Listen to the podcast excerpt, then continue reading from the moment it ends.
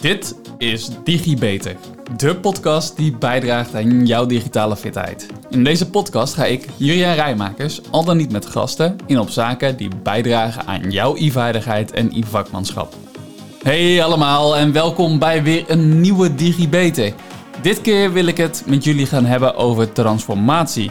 Een belangrijke hap uit het projectportfolio dat vaak binnen organisaties loopt. Transformatie zie je onder andere in het Gartner-model van Run, oftewel je dagelijkse business draaiende houden. Grow, het verbeteren van je bestaande omgeving. En Transform, het op zoek gaan naar innovatiekansen die nieuwe business eh, drijven. Om op zoek te gaan naar die transformatie die aansluit bij jouw business, is de why heel belangrijk. Jouw bestaansrecht als organisatie. En die is niet altijd zo eenvoudig als je denkt. De weg naar de digitale omgeving kom je als individu en organisatie haast niet meer omheen. En deze transformatiepodcast gaat je helpen om voorbereid je project aan te gaan. En is hiermee eigenlijk de voorloper van de twaalfde podcast.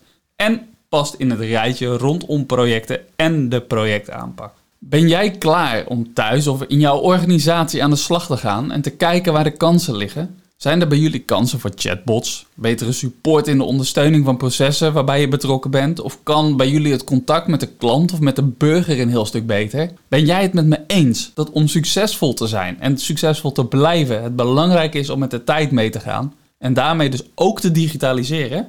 En wil je meer weten over waarom sommige bedrijven die digitale boot gemist hebben? Dan ben je bij mij deze podcast aan het goede adres. Want als je het mij vraagt, zou je in elke organisatie, groot of klein, na moeten denken over die digitale transitie, die transformatie. Hoe kan het je helpen? Of je nou die bakker op de hoek bent, de melkboer met je SRV-wagen in dat kleine gezellige dorpje, of die wat grotere MKB-organisatie, het groot bedrijf of zelfs de overheid. Elke organisatie krijgt te maken met de digitale transitie. Zelfs de bakker op de hoek of de kapper die bezig is met het klippen van die leuke koep. Het lijkt misschien alsof het hartstikke analoog is wat je doet, maar de verwachtingen van je klanten veranderen. Het was niet te voorspellen toen Airbnb in augustus 2008 begon. Maar het werd uiteindelijk een disruptie die de hele hotelwereld behoorlijk op zijn kop gezet heeft. Toen de oprichters ermee begonnen, was het nog geen bedrijfje, maar het was eigenlijk bedoeld als een oplossing voor een probleem. Namelijk de hoge huur die de oprichters moesten betalen voor hun woning. Door een luchtbed in de woonkamer te leggen was het mogelijk voor onder andere Brian Chesky, een van de oprichters van Airbnb, om een bijdrage in de huur te kunnen betalen. Want dat was het dan ineens, een bed and breakfast. En dat genereert geld. De heren die het bedacht hebben, vonden hun idee zo geniaal dat ze het verder hebben uitgewerkt en zo een heel deel van de hotelmarkt afgesnoept hebben. Dit zijn ontwikkelingen die je soms niet zo ziet aankomen, maar als je erover na gaat denken, niet helemaal onlogisch zijn. Want wat is nou het doel van jouw bedrijf? Waarom besta je? Wat is jouw bestaansrecht? Wat willen de gasten die bij jou in jouw hotel komen? Waarom slapen ze bij jou? Bij digitalisering denk je vaak direct aan robotisering. Dat merkte ik ook in de hotelwereld. Als je het dan hebt over digitalisering, het eerste waar men het over heeft, is bijvoorbeeld het vervangen van de receptionist aan de receptie. Dus zeg je digitalisering bij een kapper, denken mensen vaak meteen dat ze door een robot geknipt zullen gaan worden. Maar die transformatie zal nog niet zo snel en direct plaatsvinden. Wel kan je denken aan hele andere zaken. Zo zie je bijvoorbeeld steeds meer kappers op social media voor hun marketing. Maar het kan nog verder gaan, zoals een eigen kapsalon-app om bijvoorbeeld eenvoudiger een afspraak te maken. Dit is niet alleen een extra service die jouw klanten kan helpen, maar het scheelt jou natuurlijk ook in het minder hoeven te beantwoorden van telefoontjes. Maar het gaat verder. Zo was ik laatst in gesprek met een kapper eh, die nadacht over een app waarbij je met behulp van augmented reality kon zien hoe het kapsel op jouw hoofd eruit zou gaan zien. Nu heb ik zelf helaas vrij weinig haar, maar ik vond het toch een mooi voorbeeld van hoe die digitale omgeving zelfs bij de kleine ondernemer binnenkomt. En wie weet dat het de hele kappersbranche wel verovert. Dit virtual imaging hoef je natuurlijk niet per se zelf te ontwikkelen. Er zijn gegarandeerd al apps voor in de markt. Tot slot zou je misschien ook nog kunnen nadenken over bijvoorbeeld een interactieve spiegel. Waar je van alles mee zou kunnen zien. Bijvoorbeeld filmpjes om een kind tijdens het knippen rustig te houden. Maar ook weer bijvoorbeeld die nieuwe koep. Als laatste voorbeeld las ik bij RTL Nieuws een artikel uit 2019 over het gebruik van data in kapperszaken. En dan vraag je wellicht af data in een kapperszaak. Als ik haar knip, dan, ja, dan valt dat toch gewoon op de grond. Maar denk je eens terug aan de aflevering over data en die van digitale tweelingen, de tweede podcast en de 21ste.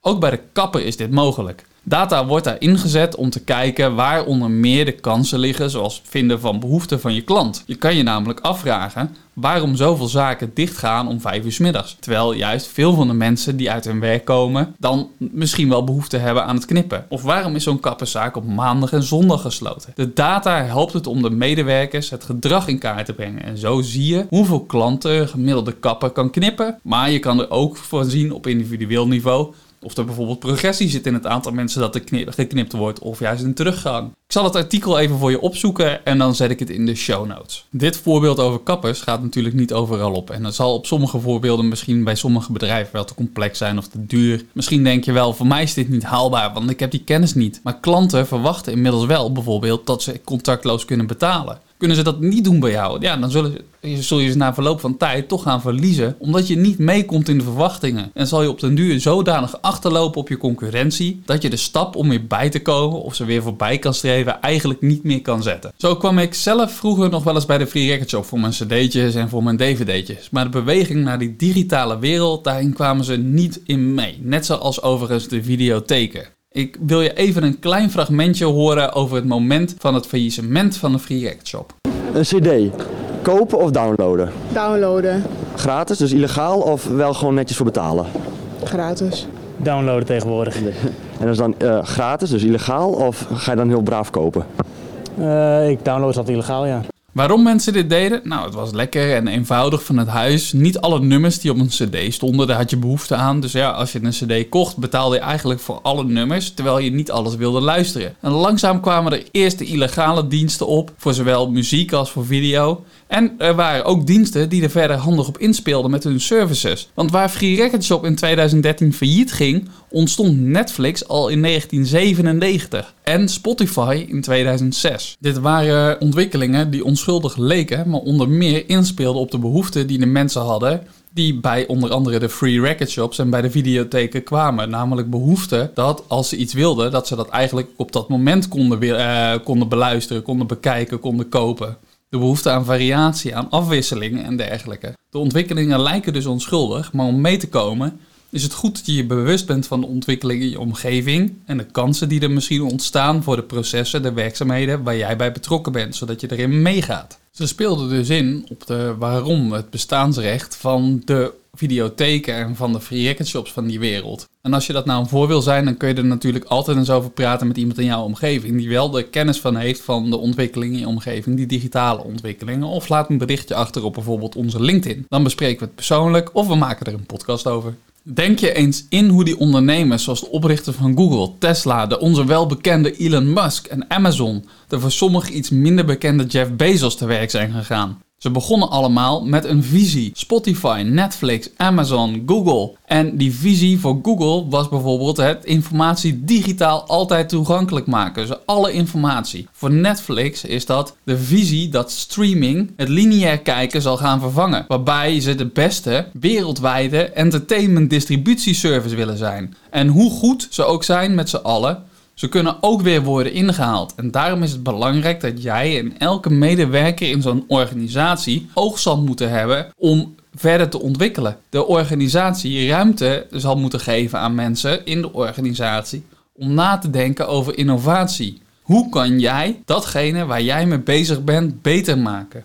Hoe maak jij jouw werk leuker en eenvoudiger? En ik zei het al eens eerder ja, dat digitaal dat is iets waar sommige mensen echt bang voor zijn. We zijn bang dat we onszelf op een gegeven moment wegcijferen. Maar niets is minder waar. Voor wij als mensen ooit vervangen zullen gaan worden door robots, dan moet er toch nog wel heel wat water door de Rijn.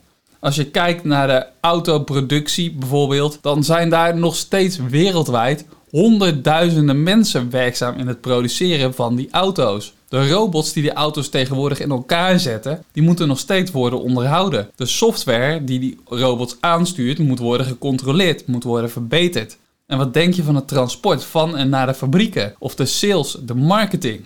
Meegaan in de tijd is dus een must. Het is best spannend, of het kan best spannend zijn. Innovaties om je heen gaan steeds sneller. Het is moeilijk om dat af en toe bij te houden. Zelfs de kapper op de hoek is al bezig met een app voor het digitaal bekijken van je nieuwe kapsel. En dat is niet zo gek dat dat dus allemaal spannend is. En waar ik op inga is dus hoe jij nou zelf aan de slag kan gaan om jezelf en je organisatie verder te helpen in deze digitale stroomversnelling. Het kunnen meekomen in die bruisende rivier vol technologische innovaties, zoals bedrijven zoals Spotify, Netflix en Airbnb. Maar ook bijvoorbeeld het voorbeeld van de kapper. Wat zij doen om mee te kunnen komen in die technologische rivier, is dat ze iets wat moeilijk bereikbaar is, wat moeilijk bereikbaar was, waarvoor je veel moeite voor moet doen om het te vinden, om het te krijgen. Of iets wat bijvoorbeeld heel erg kostbaar was om in een bepaalde hoeveelheid beschikbaar te hebben. Dus hè, als je heel veel muziek wil hebben, moest je heel veel cd's kopen. Wat ze daarin doen, is het creëren van overvloed, van gemak. Het overvloed, het gemak, dat zie je ook al terug bij bijvoorbeeld het voorbeeld van de kapper. Alle kapsels zo bij de hand, zo op je hoofd te zien. Zo heel eenvoudig boeken van een plekje in die kapperstoel. En ook bij Airbnb zie je dat. Er waren hartstikke veel mensen die natuurlijk ruimte in hun huis of in hun appartement beschikbaar hebben. En velen hebben daar vast ook al een keertje over nagedacht om dat te gaan verhuren. Ik heb dat zelf ook wel regelmatig gedacht. En op die manier gewoon wat bij te kunnen verdienen. De technologie maakte dat het voor iedereen die er toegang toe had, ook de mogelijkheid daar was om dat daadwerkelijk te gaan aanbieden. Je gaat daarvan schaarste en heel complex. Ja, je kan het nog niet zelf aanbieden, want je moest er zelf iets voor ontwikkelen. Naar eenvoud en gemak. Eenvoud, overvloed. Wat je daarnaast ziet is dat deze bedrijven zich allemaal goed realiseren dat wat ze verkopen niet alleen een gewone dienst, een gewone service of een gewoon product is, maar dat ze die dienst, service of dat product iets digitaals voor maken. Ze zetten data in. Ze verzamelen de data, ze analyseren die data. En ik had het er in de tweede podcast ook al over, dat die data, al die grote hoeveelheid data, die blijft maar groeien. Die databerg wordt al maar groter. En daarmee ook de kansen op bijvoorbeeld het gebruik van zaken als AI-algoritmen. Die digitalisering, die maakt je schaalbaar. Die data maakt je schaalbaar. En dat kun je ook terugzien in het artikel wat ik in de show notes zet van RTL Nieuws over de kapperszaak. Die digitale transformatie houdt dus heel veel in. Want informatietechnologie beslaat niet alleen AI-algoritmen, maar het beslaat ook Internet of Things devices, de blockchain, quantum en ook zaken zoals virtual en augmented reality, nanotechnologie en 3D-printing en nog veel meer. En een heel aantal van deze onderwerpen zie je ook al terug in de podcast die ik eerder heb gemaakt. Die technologie kan je dus niet alleen helpen je werk leuker en eenvoudiger te maken, maar ook bij te dragen als je voor een bedrijf werkt om bijvoorbeeld je afzetmarkt significant te vergroten of juist te verbreden. Door netwerkeffecten of je productieproces of je dienstverlening te vereenvoudigen en te verbeteren. En als je thuis kijkt om bijvoorbeeld je werkzaamheden, je klusjes thuis te uh, leuker te maken. Dat komt allemaal nog aan bod. Goed om je hier te beseffen is wel dat wat jij als bedrijf aanbiedt of doet, niet alleen een analoge product of een analoge dienst is, maar het is veel meer dan dat. Die kapper die zijn knipbeurt aanbiedt met een app verkoopt dus niet alleen een knipbeurt, want zodra je je knipbeurt gedaan hebt, is het geleverd, is het klaar, is het weg. Maar als je nu die knipbeurt verkoopt nadat je iemand die al die kapsels digitaal hebt laten selecteren, heb je ook allemaal additionele informatie waar je veel meer mee kan. Zoals welke kapsels zijn er allemaal bekeken? Wat is er uiteindelijk gekozen? En zo kan je jouw product of dienst bijvoorbeeld weer verbeteren doordat je specifieke training kan geven aan je medewerkers. Of je kan je mensen de kans geven met die foto dat kapsel te delen met vrienden vanuit de app, waardoor je ook bijvoorbeeld een gratis stukje marketing mee kan geven. Dat die stemfee vanuit het stemhokje tegenwoordig is toegestaan, dat is natuurlijk ook omdat er gewoon op die manier een stukje marketing is voor het stemmen.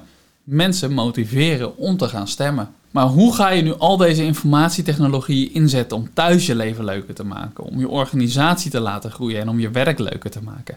Daarmee helpen wij jou met deze podcast natuurlijk graag. In deze tijd waarin je al maar exponentieel groeiende technologie de transformatie van ons leven en van ons werk drijft. En het biedt ons tegenwoordig zelf mogelijkheden die we voorheen niet eens konden bedenken.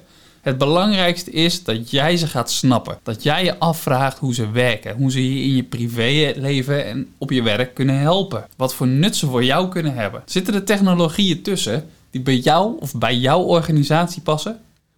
Daarvoor zal je jezelf ook eens een keertje moeten gaan afvragen. Wat is nou de kern van jouw business? Die why die ik al een paar keer genoemd heb. Een mooi lerend voorbeeld hiervan, van het niet snappen van je business, is Kodak. En daar wil ik je een aantal fragmenten van laten horen van RTL. Een bijzonder moment in je leven of een mooie zonsondergang op vakantie, dat heette een Kodak-moment. Maar nu is de marketingtruc van het bekende fotomerk uitgewerkt. Kodak ziet het ontwikkelen en afdrukken van hun foto's als hun core business. Kodak film for the times of your life. Kodak was alleenheerser decennia lang. De core business, filmrolletjes. Nee, zo blijkt. Het was helemaal niet hun core business. Een inschattingsfout, want in 2012 gaat Kodak failliet. Ondanks dat zij ooit in 1975 de eerste waren met een digitale camera. Een camera zo groot als een koffiezetapparaat en met als opslag een cassettebandje. Er komt een generatie die waarschijnlijk niet eens meer weet wat filmrolletjes en cassettebandjes zijn. En zelfs digitale camera's doen het niet heel goed meer. Want tegenwoordig maken de telefoons al lang prima foto's. De vraag is dus ook, waarom drukken we eigenlijk foto's af? Wat is de why? Wat is de kern van Kodak? Juist, die kern is het vastleggen en het delen van momenten, van belevingen uit je leven. En dat doen mensen nog zelden op papier, maar tegenwoordig vooral online. Je kan nog zo goed zijn in wat je doet. Als de behoeften van mensen veranderen, dan zal je daarin mee moeten gaan.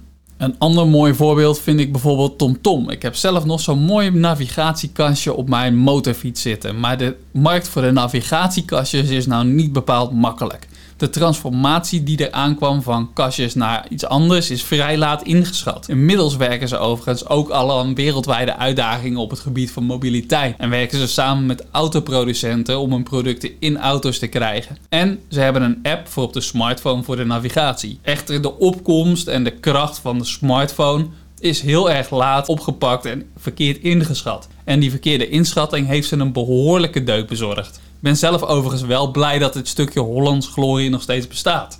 En je kan je afvragen wie nou de volgende is. Kijk maar eens naar de banken, de vraag en hoe die omgaan met de transformatie naar zo bijvoorbeeld de blockchain. Wat staat daar nou te gebeuren? Dat banken nu een beetje moeilijk zich in moeilijke bochten wringen omdat ze minder winst te maken. Ze zijn betaalproducten zijn ze duurder aan het maken, rentes aan het verhogen, noem maar op. Maar online banken zoals Knap, die beconcurreren ze. Ze zetten vaak de klant meer voorop en hebben beleggen tegen lagere tarieven geïntroduceerd. Maar op de blockchain heb je je valuta zonder dat je de rente over betaalt. En bovendien heb je die hele middelman niet meer nodig en daarmee dus ook geen kosten voor je betaalproducten.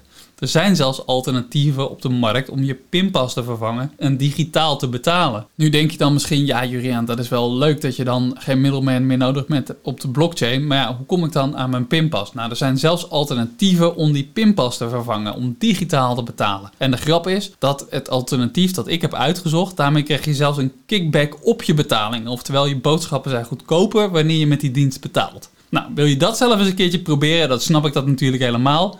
Dat kan doordat je eerst zelf een gratis debitcard aanmaakt via het eerste linkje in de show notes. En vervolgens koppel je die uh, aan een app op je telefoon, hè, waarmee je dus met NFC dan vervolgens kan gaan betalen.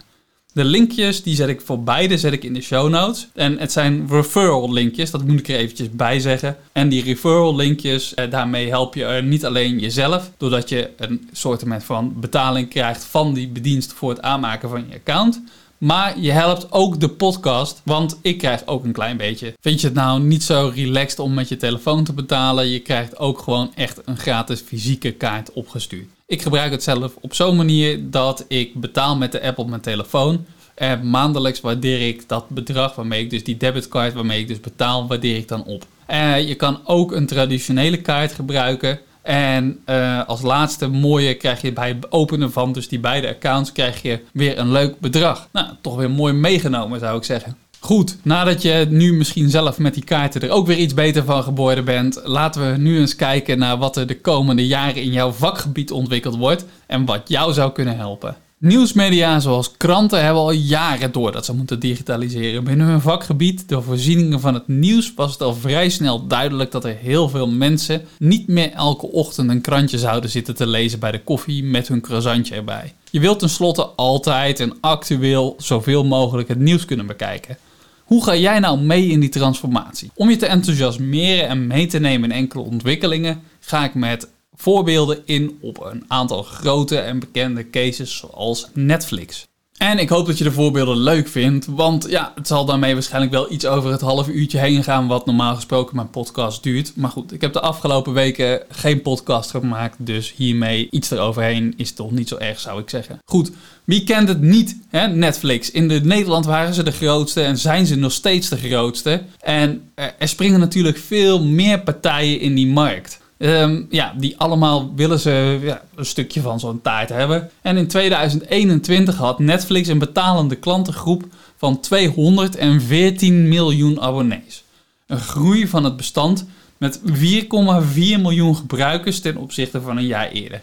Maar ook Netflix is heel erg klein begonnen. En je ziet nu ook dat er van Netflix eigenlijk dat er een slinkend aantal leden is. Of althans een slinkend aantal. Het aantal groeit niet meer zo hard als dat het deed. Nou, Netflix bestaat al sinds 1997. Ik zei het al eerder. Doordat de oprichter Reed Hastings een te hoge boete destijds moest betalen voor het vergeten van een huurfilm. En dat vergeten van die huurfilm bracht hem ertoe om dvd's te gaan verhuren die je zo lang mocht houden als je dat zelf wilde. Het concept ging eigenlijk per post. Je ontving hem dan, eh, zo'n brief eh, met die videoband of die dvd later, in een rode envelop. En als je hem gezien had, dan kreeg je hem terug, of dan stuurde je hem terug. En kreeg je vervolgens de volgende dvd die op jouw wenslijstje stond. Maar dit was nog niet de overvloed die Netflix wilde bereiken, of die hij wilde bereiken. Ondanks dat ze het idee van streamen eigenlijk al wel langer zagen zitten en dat ze daarmee verder wilden, zagen ze het moment op dat moment nog niet als het meest geschikte. Waardoor dat was? Waarschijnlijk gewoon nog niet het meest geschikte moment. De techniek en de infra was er natuurlijk, maar het was nog niet optimaal. En als je een idee uitbouwt, dan maak je je concurrentie misschien wel wijzer dan dat zal zijn. En ja, Netflix was niet uniek. Want ja, ze hadden best ook wel behoorlijke concurrentie. Misschien ken je het wel, Blockbuster. Dat was destijds een van de grootste spelers. En gevreesd door heel veel ondernemers in de filmbranche. Ze deden een beetje wat Netflix ook deed. Namelijk het uitlenen van die videobanden. En ze hadden zelfs ook al zichzelf verdiept in dat streaming idee. Maar dat heeft daar nooit de uitvoering gehaald. Omdat het qua technologie helemaal niet opportun leek voor ze. En ze hadden eigenlijk verdienen ze zoveel met hun huidige business. Dat ze eigenlijk niet de reden zagen, de kansen zagen waarom ze zouden gaan innoveren. Daarnaast heb je ook nog Amazon, die toen Netflix de overstap maakte na die streaming, in die business al zat. Netflix heeft dus niet zomaar geluk gehad. Het was geen first mover advantage, althans niet in Amerika. De timing van Netflix en de keuze voor welke markten zij gingen betreden, heeft waarschijnlijk meegespeeld in waarom zij zo succesvol zijn ten opzichte van de grootte van bijvoorbeeld een Amazon. En ja, Amazon is natuurlijk nu ook aan het groeien, maar Netflix heeft natuurlijk wel al een heel groot deel van die markt te pakken. En Amazon pakt het nu vooral op het gebied van kosten, doen ze het heel erg goed. De timing en de keuze voor welke markten dus Netflix betraden, dat heeft waarschijnlijk zeer veel meegespeeld. Dus zoals ik het net al zei. En waarschijnlijk hebben ook de techniek en de infra, die waren op, dit moment, op het moment dat zij die markt betraden of ervoor kozen om de markt te gaan betreden, waren waarschijnlijk nog niet optimaal. NOS op 3 maakte hiervan in 2018 een mooie indruk. En van die indruk wil ik een aantal fragmenten gebruiken om dit verhaal te ondersteunen. Het linkje naar de gehele video vind je uiteraard weer in de show notes. Uh, waarmee wil ik nou beginnen met de Netflix? Nou, ik wil beginnen met het stukje over de groei. Eerst even de cijfers. Vanaf eind 2013 kunnen we on-demand series kijken in Nederland. Dat begon met een groepje van zo'n 300.000 mensen. Inmiddels zijn dat er meer dan 3 miljoen. En als we dan kijken naar de aanbieders van die series, dan is Netflix met meer dan 2,5 miljoen abonnementen de grootste. 34% van de huishoudens in Nederland heeft een Netflix-abonnement. Videoland komt op nummer 2 met 6%. Maar waarom konden ze dan zo snel groeien? Ik denk aan de technologie. Het, het werkt eigenlijk altijd. Het heeft een, een, makkelijk menu. Maar denk ook aan het, het model dat Netflix gekozen heeft. En, en het is een simpel model. Voor 8 of 10 euro per maand kun je eigenlijk onbeperkt kijken. En dan ook nog eens een keer een aanbod dat, dat uitdijt in allerlei richtingen. Stand-up comedy komt erbij. Documentaires komen erbij. Late night talkshows komen erbij. Ja, en vandaag de dag richten ze zich zelfs op gaming. Maar Netflix maakt ook slim gebruik van de data en de stap van data naar informatie. Een stap die veel organisaties vergeten te maken of die, het gewoon, die ze gewoon niet maken. Je zit er vaak namelijk op een hele grote berg met data, maar deze cruciale stap wordt toch vaak over het hoofd gezien. Of juist gezien als heel erg complex en daarom overgeslagen. Jij bent dus rijk aan data, maar eigenlijk heel erg arm in je informatie. Een simpel voorbeeld is misschien wel het kijken naar je eigen uitgavenpatroon. Weet jij precies waar je al je geld aan uitgeeft en waarom je al dat geld uitgeeft? Het zou je heel erg veel kunnen leren natuurlijk over hoe je zoveel mogelijk geld in je portemonnee kan besparen. En misschien wel als dat tenminste je doel is, om zo snel en zo vroeg mogelijk als pensionado te gaan leven. De Amerikanen noemen dit data rich en information poor. En dat is pas de basis. Het is pure analyse. Ik heb het nog niet eens over de AI en de machine learning algoritmen die ik al eerder besproken heb in podcast 6 tot en met 8 en in podcast 12. Netflix maakt daar handig gebruik van. En waarmee ze in de essentie voor elke gebruiker een unieke privé-sessie van Netflix hebben. Die afgestemd is op jouw behoeften, op jouw ervaring. En daarmee is dus geen enkele ervaring van Netflix hetzelfde. Anders uit dan die van mij. Geen pagina is hetzelfde. Komt door het algoritme van Netflix. How does Netflix algorithm work? If your viewers have a next, next like six hours, we can go through all the details and get ready and get all your best mathematics and pull out your textbooks. And guys, we're going in. Now, I'm going to give you the 30 second answer. What we care about is what you watch and how much you watch of it. And based on that, we form clusters of different taste communities around the world. And those taste communities, we have around 2,000. And we're not calling them, this is the taste community who like independent movies. This one's like silly comedies, and these like science documentaries. We let the algorithms cluster together what people who tend to watch, tend to watch, tend to watch. And then for each of our members, based on what they're watching, we'll put them in three or four of these communities. Maybe you're 20% this community and 40% this one and another 20% this one. And then based, then we can order every day we order the whole catalog, all those thousands of titles for each of our members. And then when they get their action row, we'll go like, what are the action? What are the top in action? When they get their popular on Netflix, it's popular with people like you. How do we order that? How do we order any of these rows? And that's how we think about our algorithms. Je vraagt je inmiddels misschien af, welke data heeft Netflix van mij? Dat hebben we ze ook gevraagd. We know what they watched, what device they watched on, what time of day, what they watched after a piece of content, what they watched before that piece of content. Did they binge and watch the whole thing in one night, seven hours? Bad, bad, bad. Or no, it's okay. Or did they watch it and then abandon it after five minutes and not be interested again? That kind of information is valuable. En die data heeft ook weer deels invloed op welke volgende seriehits ze gaan inzetten. Het hele filmpje van NOS op 3 van 1 april 2018 kun je bekijken via de link in de show notes. Netflix ziet dus in hè, dat je heel veel kan met die data. Je maakt niet alleen je product eh, beter naar de klant toe, maar je kan ook nieuwe diensten, nieuwe producten, nieuwe films ontwikkelen op basis van het kijkgedrag.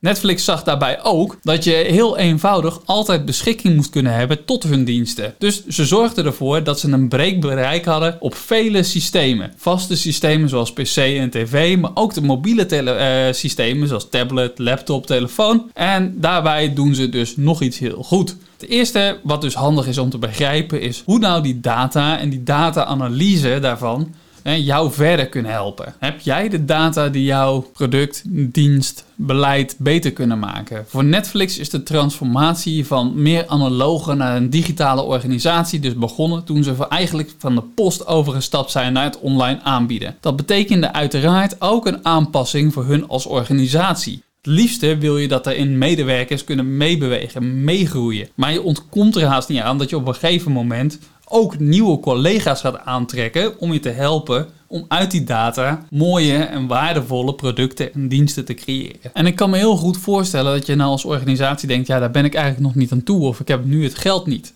Nou, Netflix had toen ze begonnen eigenlijk ook niet het geld om hun algoritme zo goed te maken dat uh, ze de dienst konden aanbieden zoals ze hem nu aanbieden. En daarom heeft Netflix gezocht naar alternatieven, gekeken naar het internet en wat de mogelijkheden waren. En Netflix heeft, om haar diensten beter te maken, een hele interessante stap gezet in haar geschiedenis, die, als ze die niet gezet hadden, misschien er wel voor gezorgd had dat ze nooit gestaan hadden waar ze nu staan. Lekker cryptisch dit. Uh, wat ze dus gedaan hebben, is dat ze hun data die ze hadden geanonimiseerd aan de hele wereld hebben aangeboden op een platform, op een open data platform, zoals dat ook bijvoorbeeld is met besproken in de digitale Twin podcast. De challenge hier was dat of er iemand was of een groep mensen waren die in het geval van Netflix een algoritme konden verzinnen dat beter was dan het reeds bestaande algoritme van Netflix. En niet zomaar veel beter, maar significant beter. En natuurlijk speelde de bekendheid van Netflix op dat moment en de bekendheid van ja, de geldprijs die Netflix eraan verbond, van namelijk een miljoen dollar, mee in de extreme populariteit. Is heel erg vaak gedownload. En het eerste team dat een significant algoritme zou maken dat dus uh, Netflix zou helpen, zou dus die prijs winnen. De reacties waren dus echt ook zeer overvloedig. En na zo'n twee jaar en een combinatie van teams kreeg Netflix het voor elkaar om van die teams een algoritme te krijgen dat beter was dan het algoritme wat Netflix op dat moment had en dus het algoritme versloeg. Je kan dus op je data blijven zitten als een kip op zijn ei blijft zitten, maar je kan er dus ook voor kiezen om het open te stellen. En dan heb je inderdaad het risico dat je concurrentie ermee aan de haal gaat, maar zonder dat je een bepaald risico neemt, win je niet altijd de wereld. En dit is misschien een extreem voorbeeld van een transformatie van analoog naar een digitale datamachine, maar er liggen genoeg kansen.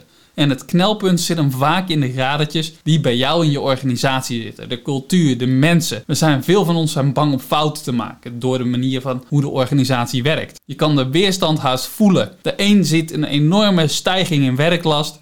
De ander die voelt bang voor zijn of haar functie, omdat die, ja, de techniek is best eng. Uh, en ook de cultuur is, een belang, uh, is van belang. Is er een focus op innovatie? Mag je fouten maken zonder dat er een oordeel aan hangt? In Amerika is het zelfs zo erg dat op het moment dat jij een bedrijf wil starten, investeerders kijken naar of je als ondernemer gefaald hebt. En niet alleen of je gefaald hebt, maar zelfs hoe vaak je gefaald hebt. Een ondernemer moet gefaald hebben, anders kan je niet leren van je fouten. Fouten maken moet dus kunnen. Je moet leren van je data, van die informatie die je uit je fouten haalt.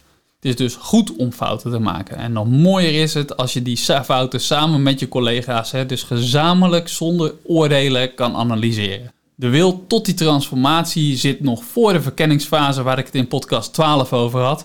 En hoe meer wil er is en hoe meer die verkenningen daadwerkelijk zullen leiden tot daadwerkelijke transformatie. In verdere podcasts rondom die projecten zal ik het dan ook echt nog wel veel dieper op bepaalde technieken ingaan, zoals Lean, Agile, Scrum en Safe. En hoe heerlijk is het als je van al die heerlijke, overbodige, nutteloze meetingen en overleggen, memo's en nota's toch straks kan afstappen dat het allemaal wat meer en efficiënter kan verlopen. Nou, dan wil ik het nog eventjes kort hebben over de collega's die dromen vaak inschatten als te groot, als het onhaalbare doel. In mijn WhatsApp quote staat: If people aren't laughing at your dreams, your, your dreams are not big enough.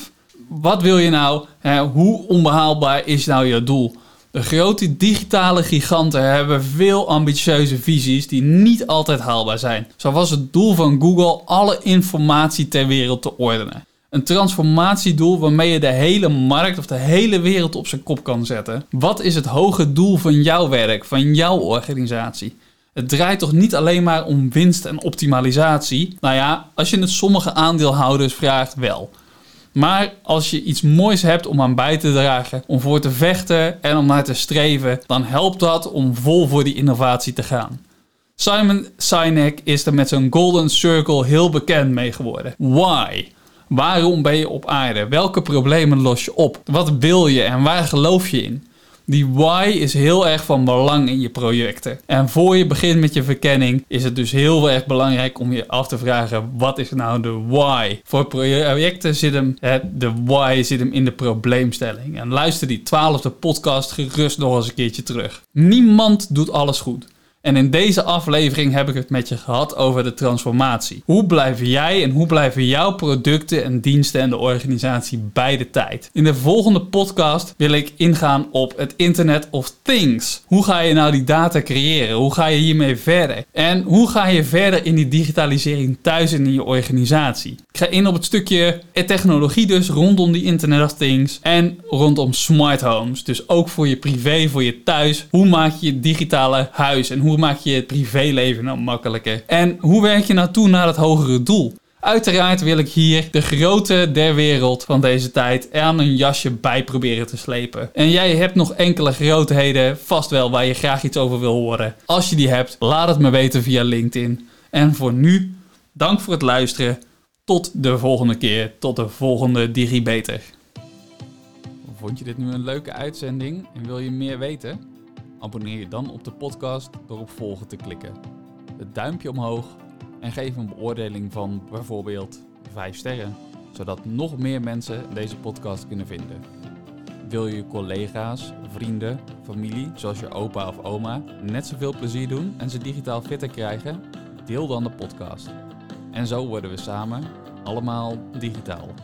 Heb je een vraag over wat er verteld is in de podcast? Een bepaald onderwerp dat je graag terug zou willen horen? Of wil je gewoon laten weten dat je erg van de podcast genoten hebt?